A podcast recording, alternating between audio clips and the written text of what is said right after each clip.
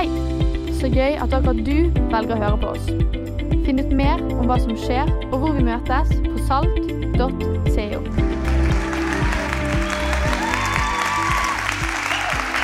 Wow! Sam, tusen takk. Og gjengen, nydelig. I'll take you at your word. Vi tar deg på ordet, Gud. Når du har sagt det, så tar vi deg på ordet. Vi skal være i den eh, tråden i dag. Det blir utrolig bra. Du, Så fint å se dere. Så kjekt å være her.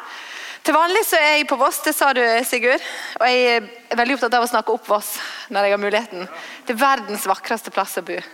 Altså Det er ingen by, da. Så byen er Bergen. Det kan vi være enige om. Men, eh, men bygda, det, det, er Voss, altså. Det er, der er alt du kan drømme om. Alt du kan tenke utenom én ting. En ting som mangler det. Jeg er vokst opp ut med havet på Vestlandet. Og jeg kan kjenne at jeg av og til så savner jeg havet. Dere har det nesten her i Bergen? Men, men vi må kalle det sjø. Det er liksom ikke det åpne havet. Eh, så, så, det er en ting jeg må når jeg skal hjem til Stad, det er at jeg må alltid ut til havet. Og så må jeg stå der og se. Og jeg har lyst altså begynne med det i dag og ta med deg ut til eh, stranda der ute og se på havet når det er litt sånn guffent. For det er litt ekstra fint å stå og se på når, når det er litt sånn ruskete. Kjenner du at du er med ut der? Wow! Du, det er ganske kraftfullt. Det er og alle bare venter på når tar bølga den bilen. Men det skjedde ikke, altså. Men det å stå alle bare skjønner at her er det kreftig sving. Og uti der har ikke vi så lyst til å være. Jeg har surfa eh, ikke så mange ganger, nå skal jeg ikke snakke som om det høres ut som jeg surfer, men jeg har vært ute en gang med, med type liksom 1,5 meter bølge. Og Det høres jo fryktelig lite ut, men jeg var usikker på om jeg skulle komme levende derifra.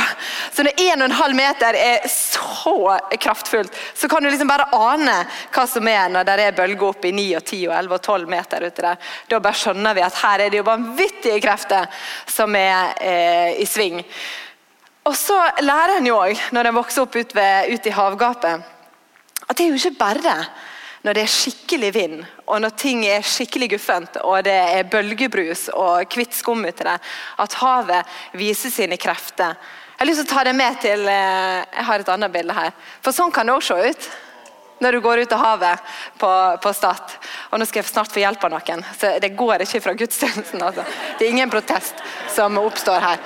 Eh, Men jeg skal få lov til å vente deg litt. Men se her, da. Er ikke det fantastisk? Det er den sydenstemninga. Så, så, Voss er bra, men Stad er òg ganske fint. altså. Og det, kan være så, og det er jo ingenting med det havet som virker skremmende eller voldsomt. Dere kan bare stille dere rundt disse fine stolene her, så skal vi komme til dere snart. Jeg går bort her, jeg. Men det er ingenting der som virker eh, voldsomt. Men eh, når jeg var 14 år gammel så skjedde det ei tragisk badeulykke på den stranda her. På en sånn dag som det der. Skikkelig sydenstemning, blå himmel. Alt var fint. Det var fire lokale ungdommer, gutter, som var ute og bada. Og så etter en stund så oppdaga de plutselig at vi har jo drifta ganske langt. Vi er jo ikke der som vi egentlig trodde at vi var. Og så var det kommet altfor langt ut. Og så begynte de å svømme imot, og så tok panikken dem. Og så var det en av dem som omkom, og en av dem ble skada for livet. Og Det er jo ikke bare når det er vind og vær at havet viser sine krefter, men det har òg ekstreme krefter som er under overflaten, som vi ikke ser, og som tar oss nesten uten at vi merker det. Så drifter det oss av gårde. Og En som heter Pelotto Brunstad, han bruker bildet nettopp av et sånn stille hav når han skal forklare noe av det som skjer i vår kultur, eller også preger vår kultur. For vi har jo ikke så lyst kanskje å sette en tydelig retning på livet, for vi må jo ha mulighetene åpne. Men hvis, hvis jeg tar det valget, hva da hvis det dukker opp et bedre valg der? Og så sier han at vi kan jo sitte stille i båten, men båten ligger aldri stille. Vi kan sitte stille i båten i form av å ikke ta noen valg eller ikke forplikte oss på noe. Men skuta har alltid en retning, og sånn er det for livet vårt òg. Skuta vår har alltid en retning. Vi tenker jo at vi ønsker å være vår egen herre. Vi liker å bestemme det sjøl. Og så tenker vi kanskje fort at det å ha en gud, det er litt sånn avleggs. Det er for spesielt interesserte. Men det som er sant for oss alle sammen, det er at vi alle har noe som setter retning for livet. For ingen av oss som har livet vårt i et vakuum eller i et stille basseng. Men skuta har alltid en retning. Og Lina Lindgren hun skriver det sånn som det her i, i boka si 'Ekko'. Mennesket vil alltid dyrke noe. Avviklingen av religion innebar bare en omplassering av gudsdyrkelsen. Gud er død, så i stedet for tilber vi våre naboer. Avviklingen av religion var bare en omplassering av gudsdyrkelsen. Og så er ikke vi så vant med å kalle det guder, men kall det verdier eller ting som er viktig for oss, som er med å sette retning. Det har vi alle sammen i våre liv. Og Nå har vi fått opp en gjeng her. Veldig fin gjeng. Så nå skal jeg krone noen guder her. Og dere skal få lov å representere dem. For en ære. Du, eh, venner. Altså, Vi alle sammen kan jo bli styrt av men hva tenker de andre, da? Hva, hva vil de andre mene? Hva, hva, velger de andre? Du får den til å sitte hvis du bare gjør Nei, du må få denne. Karriere. Hvis vi sikter langt fram i livet, hva er det vi egentlig har lyst til å Den passet til deg, vet du. Hva er det vi egentlig har lyst til å oppnå i livet? Og Her er fritid. Altså, Det å fylle fritida, jakten på opplevelser, på spenning, på nytelse, det kan òg være en ting som er overordna, som styrer valgene våre. Og du er heldig få sosiale medier. vet du. Fantastisk.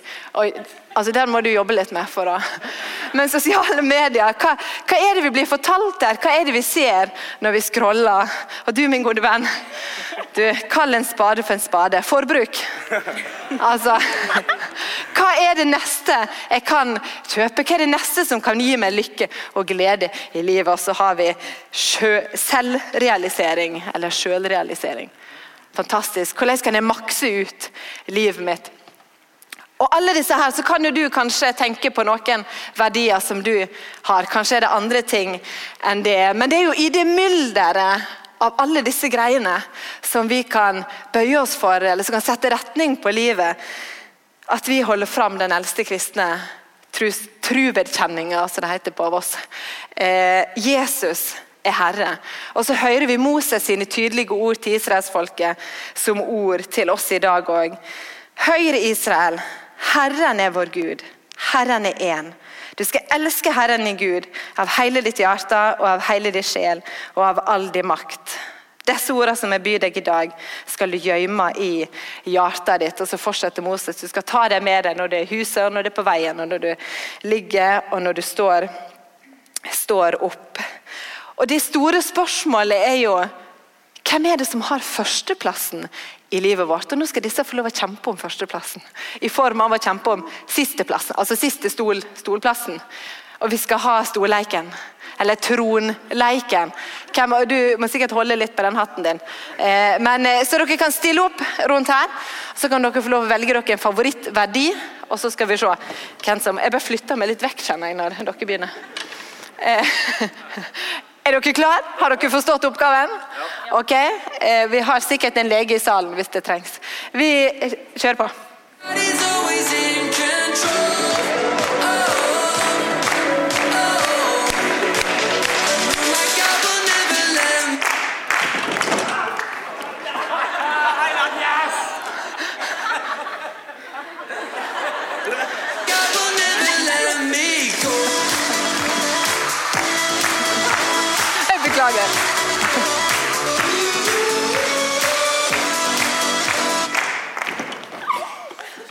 Og de, forbruk Åh, Bra innsats.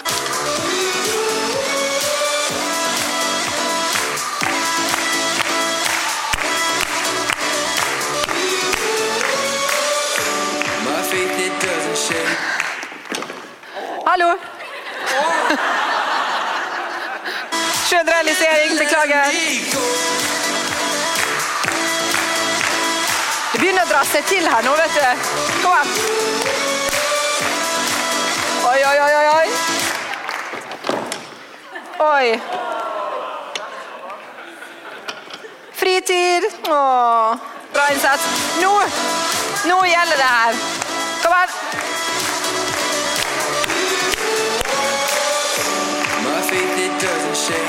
Just like you never change. I'm in love.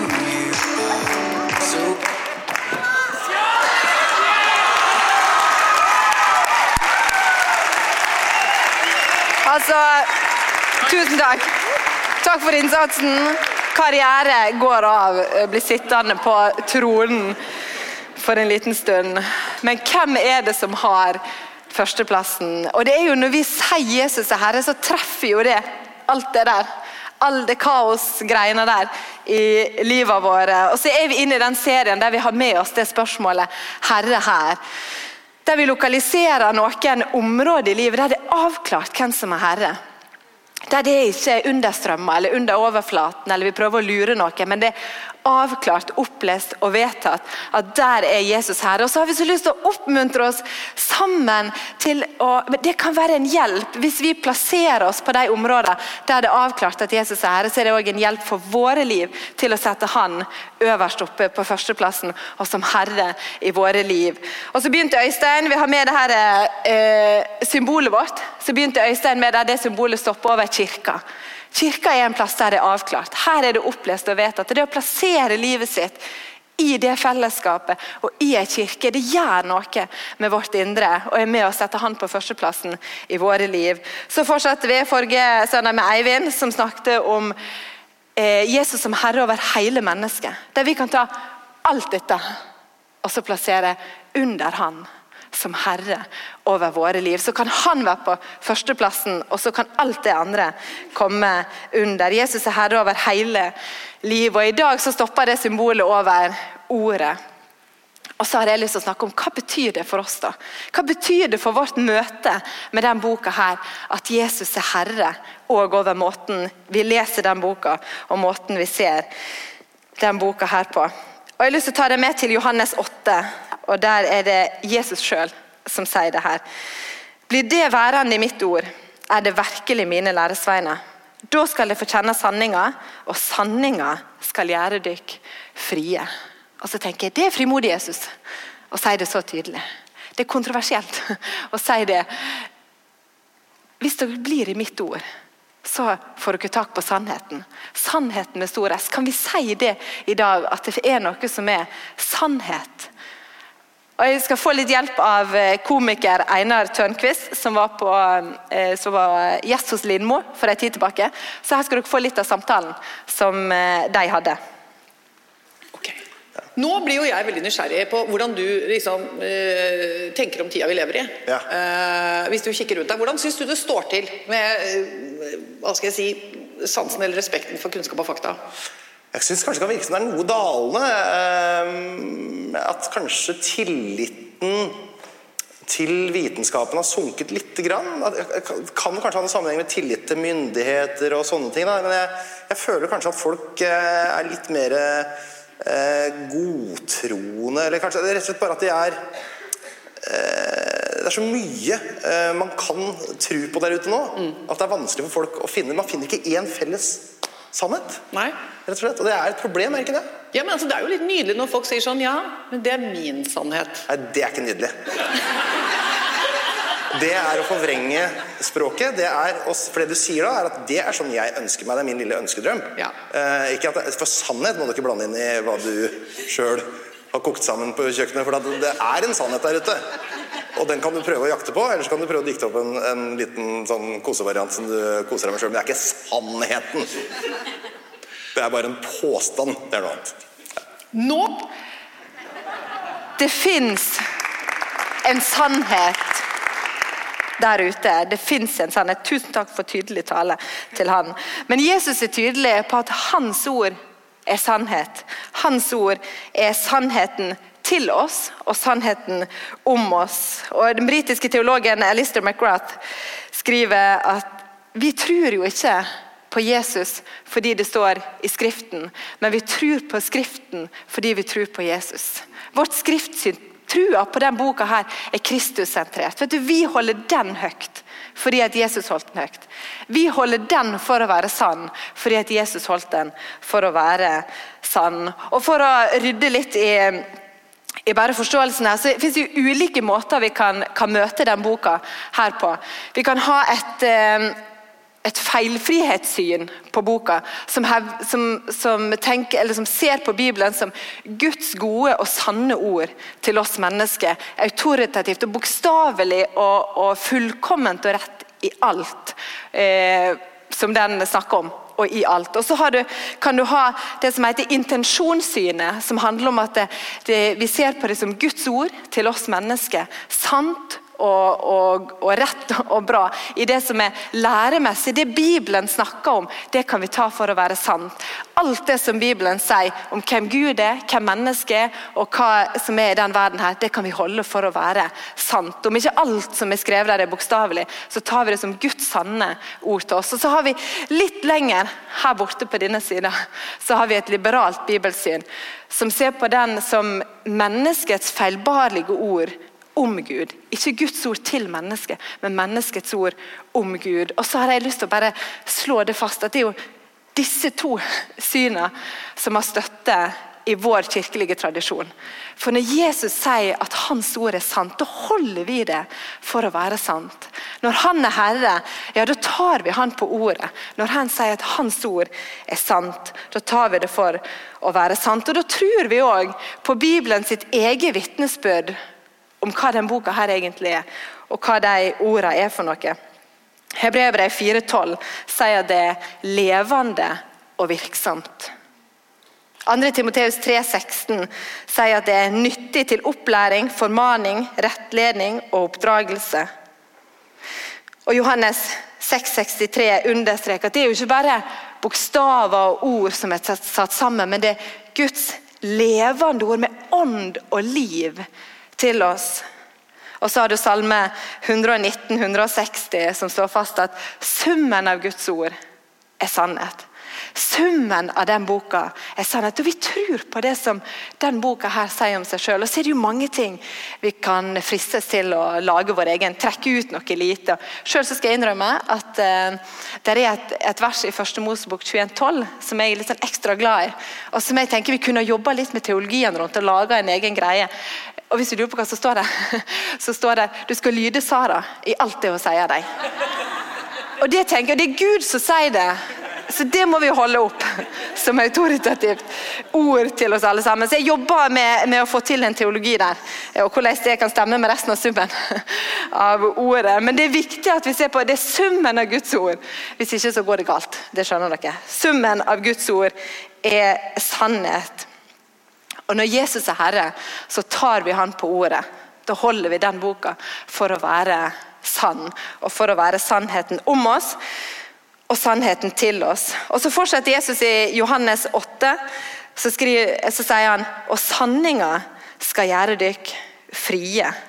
Og Kanskje for mange av oss så kan det være litt sånn er det greit nok det at Guds ord er sant. Det er greit nok at jeg kan holde det for å være sant, men, men det å ha det som autoritet i livet det å bøye seg for det, det å innrette seg etter det, det virker litt kjipt. For det er jo så mange ting en skal og ikke skal og burde og må og, og, og alle disse greiene der. Men jeg har lyst til å ta det med til Salme 1, og så skal vi lese det som står der. Sel er den som ikke følger råd fra lovløse, ikke går på syndervei og ikke sitter i spotterlag, men har sin glede i Herrens lov og grunner på Hans lov dag og natt. Han er lik et tre planta ved rennende vann. Det gir frukt i rett tid, og lauvet visner ikke. Alt han gjør, skal lykkes. Salmenes bok begynner med å ta et lite sånn oppgjør mot det som vi tenker, det som vi så lett tenker at frihet og det gode livet ja, men det handler om å kunne gjøre det vi vil, når vi vil, sånn som vi vil. Og så viser det her at nei, men den som det virkelig velsigner livet, ja, det er den som grunner på hans ord, hans ord, som tar det til seg. Og så har jeg så lyst til å oppmuntre dere med i dag at ja, Det å ha Guds ord som autoritet, det handler jo ikke først og fremst om grenser. Det handler jo ikke om det vi ikke har lov til, og det du skal og det du må. Men det å ha Guds ord som autoritet handler ikke om grenser, men det handler om kilde. Det handler om å ha en kilde til livet. For vet du, tre som er planta ved rennende bekker, ja, det har både vann og næring i alle livets sesonger. Uansett hva årstid det er, om det er tørke eller det er regntid, om det er sommer, vinter, vår eller høst, så har det næring. Og så står det støtt, og så bærer det frukt igjennom. Det handler ikke om grenser, men det handler om å få kilde til livet. Og Jeg har så mange ganger blitt både rørt og inspirert av historien om Angola Prison, som er et av USAs største fengsel, og som er kjent, har vært kjent for sin ekstremt blodige historie. Og Det fortelles at når det kom en ny fange inn, så fikk de utdelt en kniv for å kunne beskytte seg, fordi at det var så, så hardt miljø der. Men, men, for eh, noen tiår siden så fikk de en ny oppsynsmann som skjønte at vi kan ikke fortsette på denne måten. Her må vi gjøre noen endringer. Og Noe av det som ble gjort i den endringsfasen, som gjør at Angola Prison nå er kjent for å være et av de eh, tryggeste fengslene å være i, det var at det ble lagt en bibel i alle cellene. Det, de opprettet gudstjeneste hver dag i, i fengselet, og så oppretter de en pastorutdanning. Og så var det noen som var og spurte en av de fangene som var satt inn på livstid der, som har fått lov å, å være i berøring av disse møtepunktene med ordet. Hvordan er det og bli innsatt og skal sitte her på livstid. Og så svarer han at jeg er mer fri her inne enn jeg noen gang har opplevd å være på utsida. Jeg er mer fri her fordi jeg har fått lov å møte Jesus. Og Vi tenker jo at frihet handler om flere valgmuligheter. Større frihet er lik flere valgmuligheter. Og så kvir vi oss litt for å ta noen sånne forpliktende valg fordi vi plages av de tapte mulighetene. Ja, men Hva hvis det hadde vært bedre der, da? Hva hvis det hadde vært sånn? Og så har jeg lyst til å låne litt klokskap fra Paul Otto Brunstein. For han sier at vi kan jo ikke bare spørre oss hva er frihet, og hvor masse har vi lyst til å ha av det. Men vi må jo også stille oss spørsmålet hva er en mulighet? Og jeg vet ikke om du har tenkt over det før, men hva er egentlig en mulighet? Og så svarer han en mulighet er jo, så lenge det bare er en mulighet, ikke, ingenting. Det er bare en tanke i mitt eget hode. Og den har ingen vekt, verdi eller virkning i seg sjøl. Og så bruker vi så masse energi på noe som er så lite verdifullt. Og så sier han at frihet er jo ikke først og fremst knytta til valgmuligheter. Frihet er jo knytta til det å ta et valg, til faktisk å velge noe. Og så sier han at derfor kan den største og beste frihetsopplevelsen erfares i det en konkret velger å binde seg. For Spørsmålet er ikke om forpliktelse er noe negativt eller om det er destruktivt. Spørsmålet er jo hva vi forplikter oss til. Og Jeg skal låne noen ord fra, fra eh, bandet for King and Country. og De skriver det sånn som her, det her i en av sine sanger. Live free is not the liberty to do whatever you want, whenever and wherever you want, but rather it is living in accordance with the author of humanity and finding freedom by connecting with the creator that conceived you. Friheten fins jo i forpliktelsen til Han som har skapt oss i det å bøye seg for Hans ord for oss. Og Det har jeg så lyst til å oppmuntre oss. Vet du, Det ordet her er ikke bare sant, men det er godt for våre liv. Og For at du skal huske at det er godt, så kan du bøye deg ned og sjekke under stolen din. Så eh, skal du få en liten gave fra meg. Som du kan eh, tygge litt på. Og kjenne at det er godt